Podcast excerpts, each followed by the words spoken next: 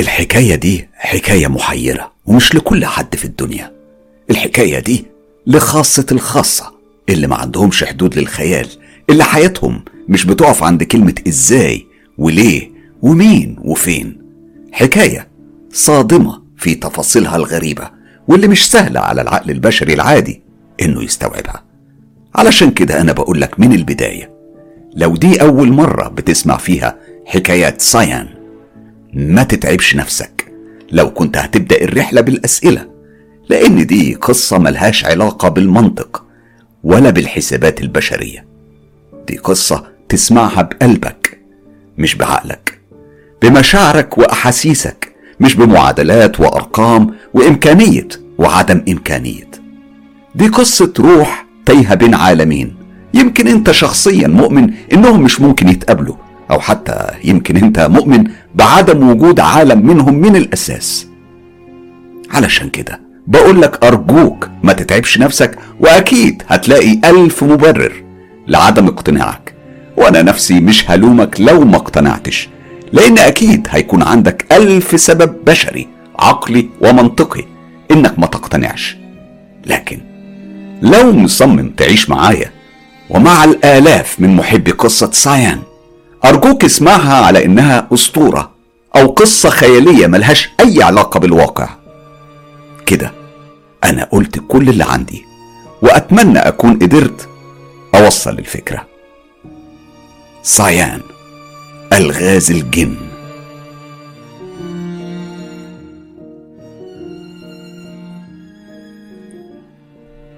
سايان ألغاز الجن. استراحة علشان نقدر نسمع القصة من الأول بتركيز شديد. دي كانت آخر حاجة أنا طلبتها منكم قبل شهر رمضان الكريم. وبالفعل استغليت الفترة دي في إني أنشر لكم القصة على أربع أجزاء علشان أسهل المهمة عليكم وعلى نفسي. وأخيرا ختمتها بأطول ملف لقصة رعب حقيقية في العالم العربي كله. ملف مدته أكتر من 8 ساعات بحكي فيه قصة سايان الفتاة العربية المنتمية للزمرة الملكية أصحاب الدماء السوداء. وتحديدا الموسم الأول كامل من البداية وحتى النهاية. رابط الحلقة هتلاقوه موجود في خانة الوصف. أظن كده كلنا جاهزين علشان نكمل الرحلة. بس المرة دي إحنا مستوعبين تماما كل التفاصيل الغريبة والمرعبة اللي بتطرحها سيان خليكم فاكرين إحنا بنتكلم عن حالة نادرة جدا ومش موجود منها كتير والأسرار اللي بتطرحها صادمة ومفزعة ومش سهلة على كل إنسان يتقبلها. أنا طبعا مش هضيع وقتكم في شرح الأسباب لأن اللي هيتابع الموسم ده أكيد هيكون من خاصة الخاصة اللي حابين يتعرفوا على أسرار ما سمعهاش ولا شافها إلا قلة قليلة جدا من البشر. أهلا بكم في عالم سايان إنس ولا جن؟ ده أصبح هدفي الأول والأخير في رحلتي لفهم سايان وعالمها وأصل حكايتها أنا طبعا وتدريجيا اتنقلت من معسكر المكذبين اللي كنت فيه في بداية الرحلة وانضميت لمعسكر المشككين في نص الرحلة. لكن مع آخر سطور الموسم الأول كنت واقف على أطراف حدود معسكر المصدقين. ودي هي المرحلة اللي بعيشها دلوقتي. ومتأكد إن في آلاف منكم واقفين معايا في نفس المكان في انتظار الكلمة الأخيرة للتصديق الكامل أو الرفض النهائي لكل الأحداث والتفاصيل العجيبة اللي بنسمعها. أعتقد إن ده هو أنسب وقت نكمل فيه من مكان موقفنا في حلقة ألغاز موت الجن ميخائيل. أنا فتحت رسالة صيان اللي كنت قفلتها طوال شهر رمضان الكريم. ما كنتش بحاول أقرب منها لحد ما استوعبت كل اللي كان محيرني. أنا كنت فاكر كويس إنها كانت بتقول إن الجن تورون كان بيساعدها تفتكر إيه اللي حصل في موضوع موت الجن ميخائيل.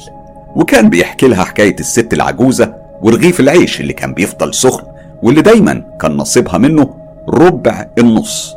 وفاكر إن الست العجوزة كانت قالت لها انت نجحتي بس عيبك الوحيد هي حاجة مش موجودة عندنا وعند اللي زينا. أنا معرفش هي إزاي موجودة فيكي.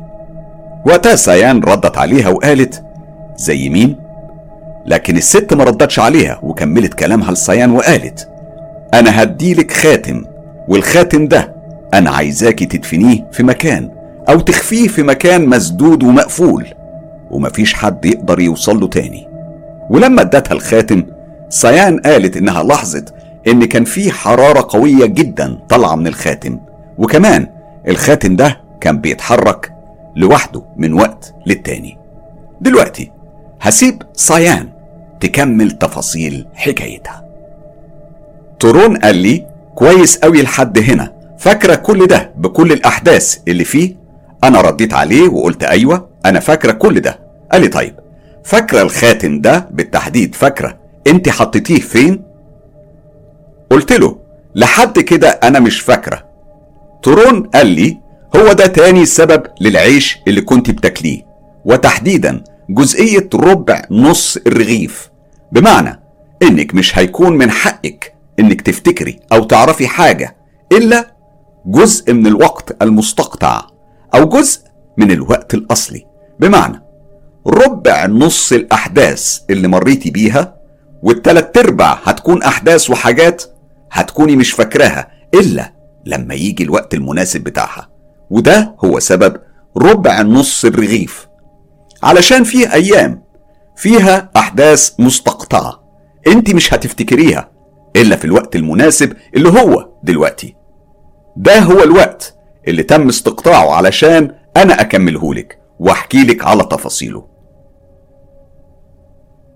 أما أول سبب إنك أكلتي أو فضلتي تاكلي العيش ده لمدة أربع أسابيع كاملة فهو إن ده كان بداية العهد عهد السلام بين المملكتين وده كان لأن المملكة بتاعنا عرضت التصالح مع المملكة بتاعتكم وكان الشرط وقتها قبول الأميرة أو ولية العهد المنتظرة للصلح ده أو المعاهدة دي أو السلام ده بدون ما هي تعرف التفاصيل أو الأبعاد اللي تخص العداء اللي كان موجود بين المملكتين. وهي هتحكم على اللي حاصل دلوقتي. ركز معايا. معنى العيش اللي كنت باكله وما كنتش باكل غيره ده وثيقة سلام أو وثيقة العهود اللي بين المملكتين بعد النزاع والخصام اللي كان ما بينهم لمدة سنين طويلة. كله كان متوقف على قابليتي وأكلي للعيش للمدة المحددة لكتابة عهد السلام ده واللي كانت مدتها أربع أسابيع. أيوة أربع أسابيع. لازم هختلط فيهم مع المملكة التانية ويتوقف قبول الملكة بتاعتهم للصلح ده على حسب قبولي أنا للعيش بتاعهم للمدة دي كلها. يعني المدة المحددة دي كانت أربع أسابيع.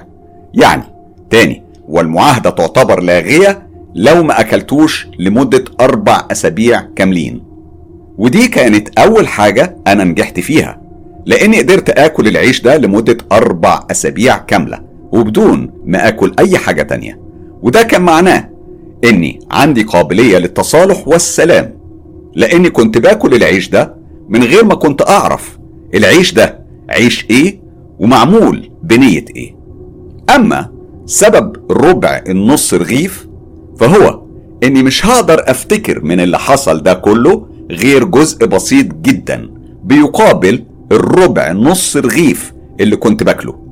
وعلشان في الوقت المناسب التلات أرباع الباقيين هيكون تورون هو اللي هيكمل لي الأحداث اللي حصلت وهيفهمها لي في الوقت المناسب. طبعا ده كان بيحصل على مدار سبع أيام كل أسبوع يعني سبع أرباع انصاص في سبع أيام. وده تفسيره إن ربع نص اليوم هو اللي كان بيوصلني وبحتفظ بأحداثه. أما الباقي كله فمحجوب عني. أما الشاب اللي كان بيحاول يأذيني في خلال السبع أيام من الأسبوع الثالث ده كان واحد منهم رافض تماما فكرة الصلح والسلام اللي كان هيحصل. وكمان هو كان رافضني أنا شخصيا كولية عهد ومش عايز كل ده يحصل من جديد. يعني هو كان رافض إن المملكتين يرجعوا أصحاب ويعيشوا في سلام من تاني لأن معنى إن المعاهدة دي تتم سواء كانت بشروط معينة وفي سنين معينة فده كان هيغير من سمعته كجن طيار مشهور عنه دايما مخالفته للكلام والوعود والعهود اللي بيقطعها على نفسه. وزي ما في ناس بتطور نفسها علشان تكون أفضل في ناس بتحب إنها تستمر على وضعها السيء ومش عايزة تتغير وده هو كان وضع الجن ده. فأنا بالنسبة له أعتبر زي ما أكون هربطه أو هأيده وهخليه محكوم بقوانين هو مش حاببها.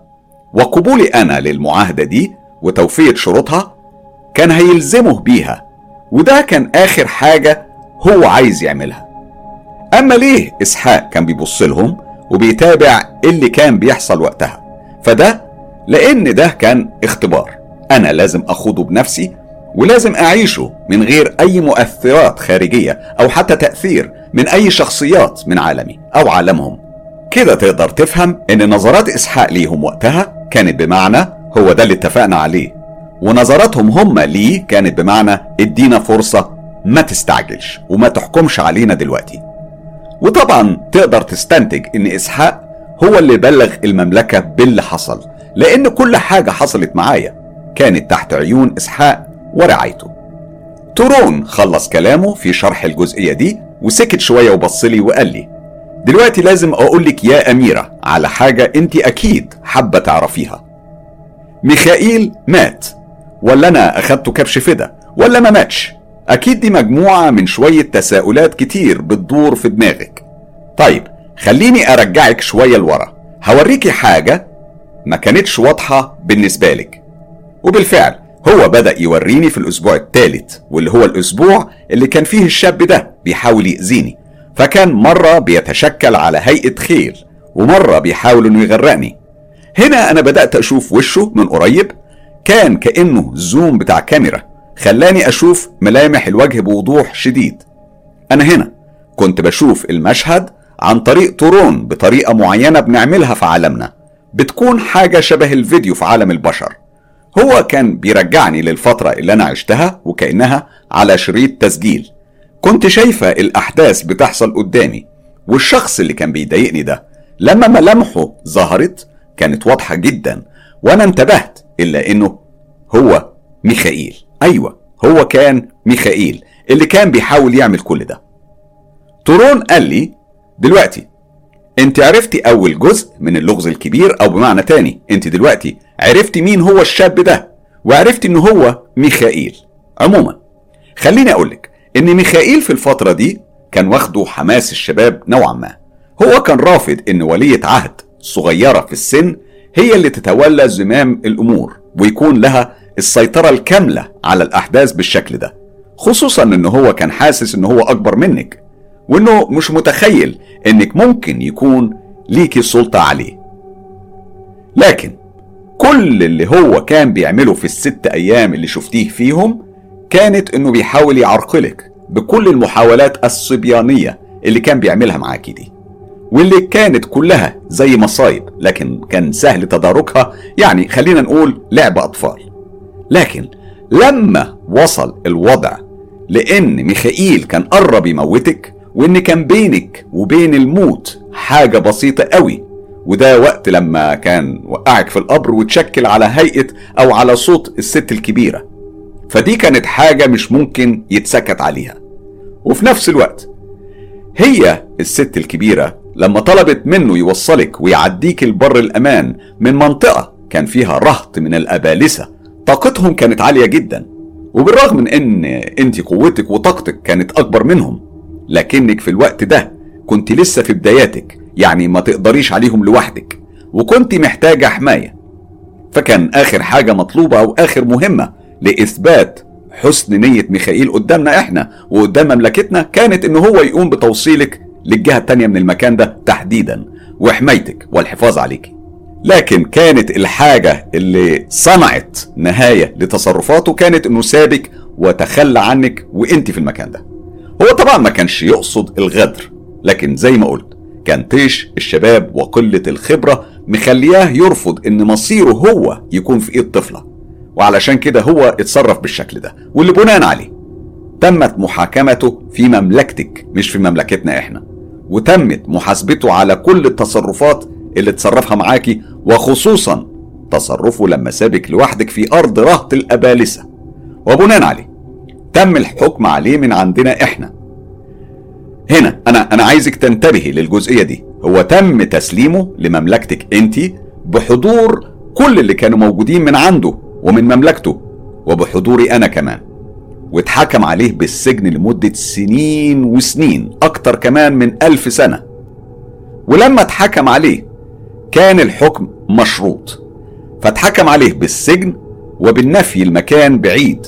وده كان اللي ميخائيل حاول يعمله مش عشان انت أميرة أو علشان انت حد له وجود خاص وتأثير واسع لكن علشان هو من طبعه نقده وإخلاله بالعهد والعهود.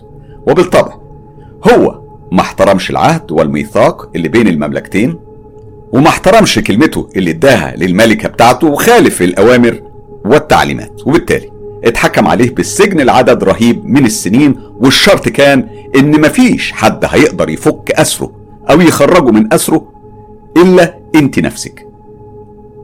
هنا أنا قلت له أنا مش فاهمة. ترون قال لي تعالي نرجع شوية لورا. فاكرة لما الست الكبيرة أو الجدة اللي كانت بتديك العيش ادتك خاتم في آخر مرة شفتيها فيها وقالت لك خبيه؟ قولي لي بقى فاكرة انت خبيتيه فين؟ أنا قلت له لأ. أم هو رجعني بالزمن وكأنه بيكمل لي الجزء اللي ناقص اللي ما كنتش فاكراه. ولقيت نفسي بطلع لنفس الدور اللي أنا كنت واقفة فيه في بيت جدي وجدتي. الدور ده وقتها كان لسه ما اتشطبش. وشفت إن كان المكان لسه على الطوب الأحمر. وكان ظاهر فيه أماكن مداخل الكهرباء والسباكة. وقتها أنا شفت نفسي وأنا واخده الخاتم وبخبيه في فتحة من الفتحات دي وبغطيه بالرمل والأسمنت.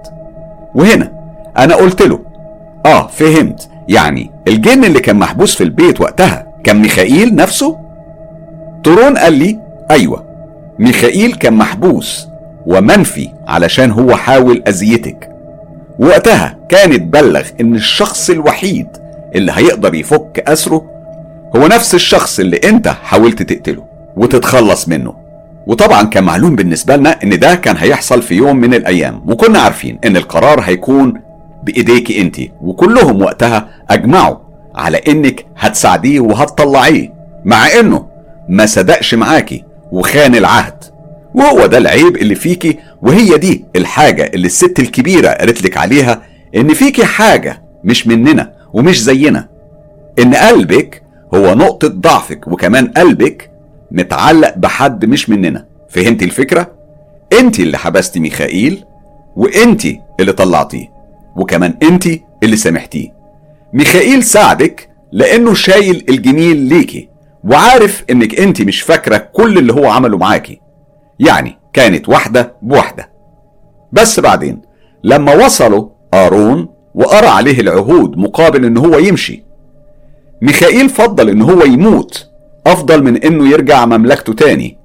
وما يقدرش إن هو يشوفك أو يكون من خدامك أو حتى يكون معاكي بأي صورة. ونقطة ضعفك اللي هي قلبك كانت السبب اللي أثره وخلاه يتعلق بيكي ويفضل إن هو يكون معاكي حتى لو كان التمن إن هو يموت. بس يفضل مع القلب ده لآخر لحظة. القلب اللي سامح وعفى. تورون رجع يبص لي وهو بيتفحص ملامح وشي. عايز يتأكد إن المعلومة وصلتني بوضوح. وقال لي أعتقد إنك كده فهمتي أول لغز بوضوح تام. يعني مفيش حد كان كبش فدا ولا في حد اتظلم ولا إن ميخائيل لسه عايش. كل اللي حصل بس إن انت وصلك ربع اللي حصل في الفترة دي. بس التلات ارباع الباقي كان محجوب عنك. أعتقد كده إنك فهمتي الوضع بالكامل. وأصبح واضح إزاي أنا جيت وإزاي مملكتي وإزاي إحنا آه شاركنا في الحرب دي علشان إحنا فيه ما بيننا سلام. والسلام ده انت عقدتيه من زمان قوي ومن سنين طويلة. أنا كده دوري خلص واللي هو كان إني أشرح لك كل اللي انت كنتي مش فاكراه أو عارفة إنه حصل. واضح إن مش بس السهيان اللي فهمت. أنا كمان بدأت أستوعب الأحداث الطويلة بشكل أفضل بكتير من الأول. المسائل أصبح فيها كتير من المنطق. طبعا بافتراض إن السيناريوهات الغريبة دي دارت بالفعل وإن سيان مش من البشر المبدعين اللي خيالهم ملهوش حدود. آه بصراحة حتى مجرد التفكير إن في بشر ممكن يفكر ويرسم سيناريو بالحبكة الرهيبة دي ده في حد ذاته كان شيء مش منطقي ومخيف. وده كان السبب إني بميل لتصديق الأحداث. لكن طبعا أنا مش بستسلم بسهولة فكنت لازم أسمع أكتر وأبحث أكتر لحد ما أوصل للحقيقة الكاملة ورا حكايات صيان. وأنا سرحان وبتخيل شكل طورون وعزيز وإسحاق وأرون. مديت إيديا وضغطت على زرار تشغيل ملفات صيان الصوتية. وانساب صوت صيان وملى الأوضة وبدأ يختلط مع صوت الآيباد اللي أنا كنت مشغل عليه مزيكا غامضة على تطبيق سبوتيفاي وقالت صيان. روح ضيعة بمجرة كبيرة وعلى قد اتساعها مش لاقية مكان ترتاح فيه. ملياش وطن ولا بيت ولا حتى مكان محدد. مرهقة من تعب سنين وقلوب يعتبر أقصى المعادن صلابة. أحن منها. غارت السما مني لأني سرقت حتة منها في لون عينيا. وقفلت في وشي أبوابها. وخافت الأرض من محاسيبي. ورفضت تحتويني. روح قوية. اختارت حبس نفسها جواها علشان ما تظلمش حد. ومن خوفها وخشيتها من ربنا سبحانه وتعالى بقت هي جلاد ذاتها وسجنها. أنا أنا الأميرة الصغيرة. وآخر ملوك موطني اللي بنتمي ليه. أنا رسمة خرجت من كتاب عتيق للأساطير. أنا حقيقة مش مجرد حروف. خليت ورايا باب مفتوح لوقت رجوعي. بس ما فكرتش لثانية إني أتوه في ذاتي وأفقد وجهتي بالرغم من وضوحها.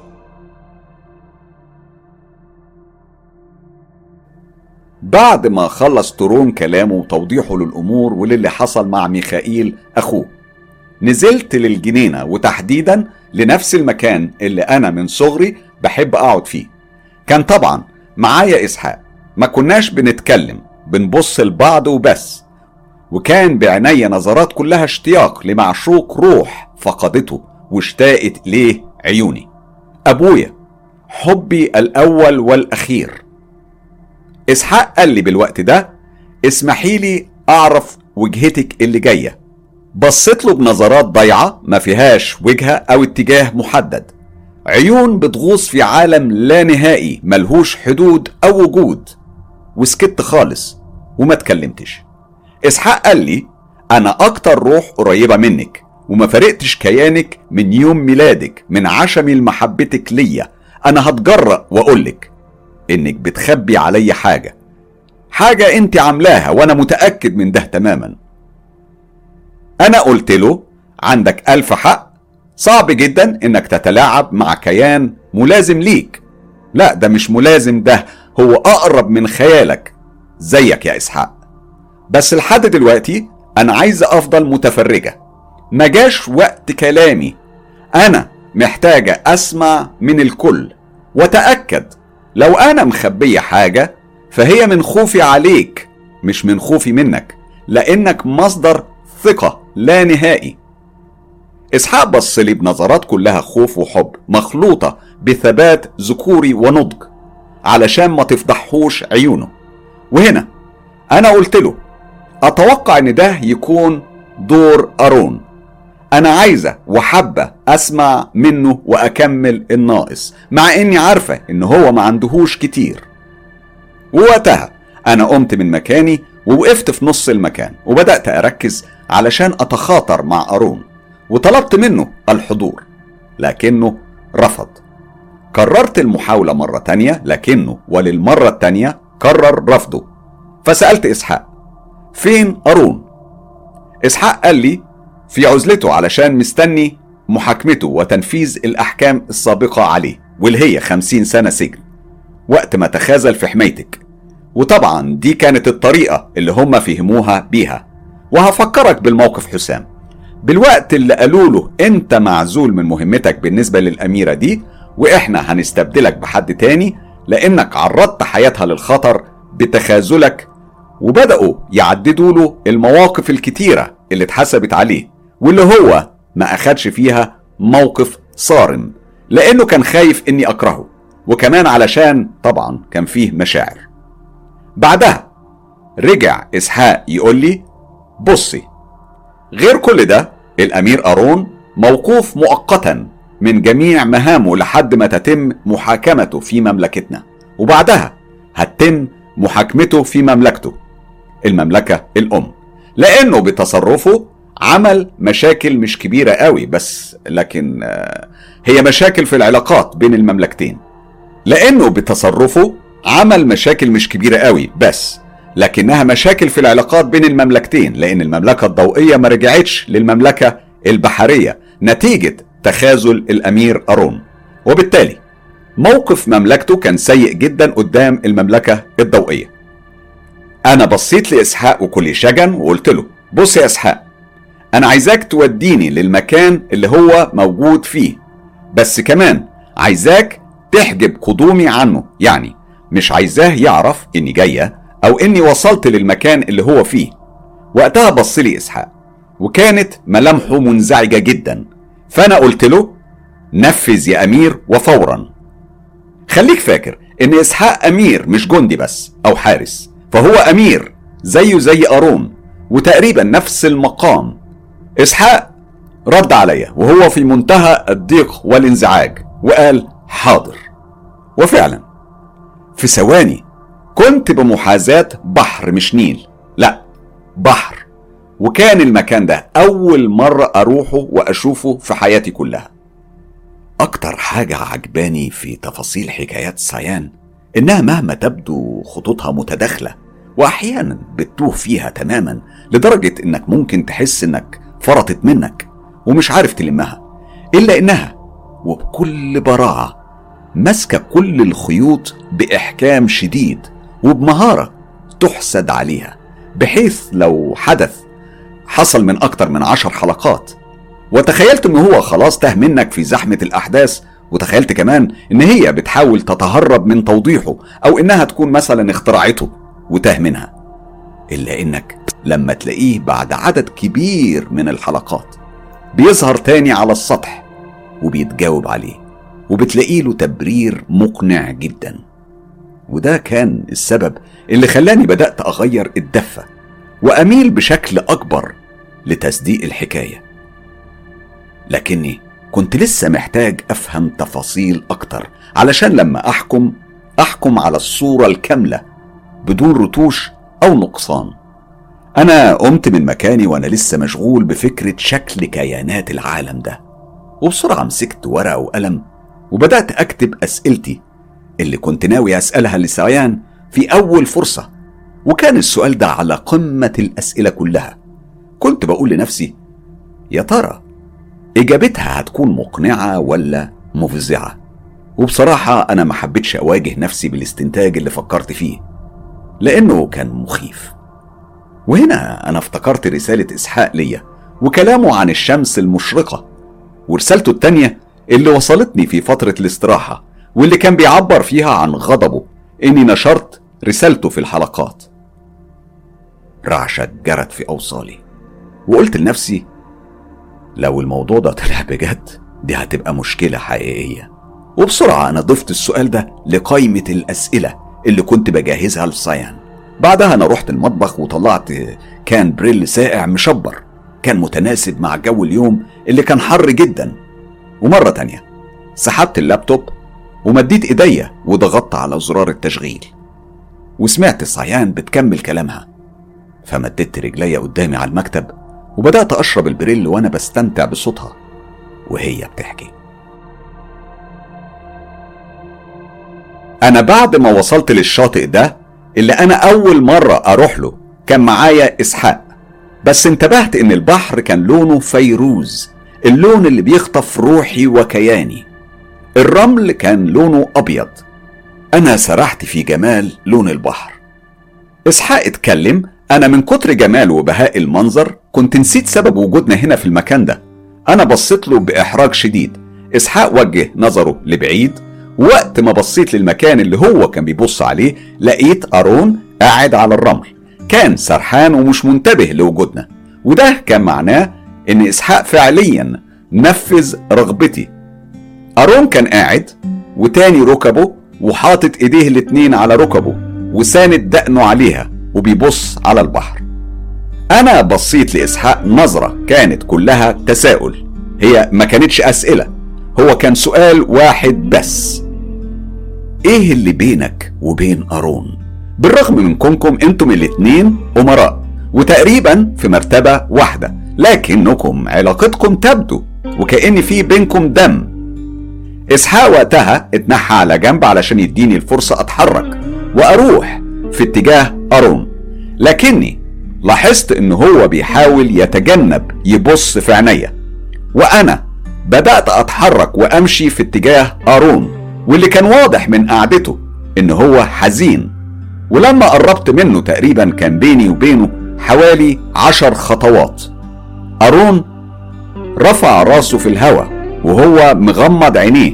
كان بيشم نسمات البحر أو نسمات الهواء وفجأة قال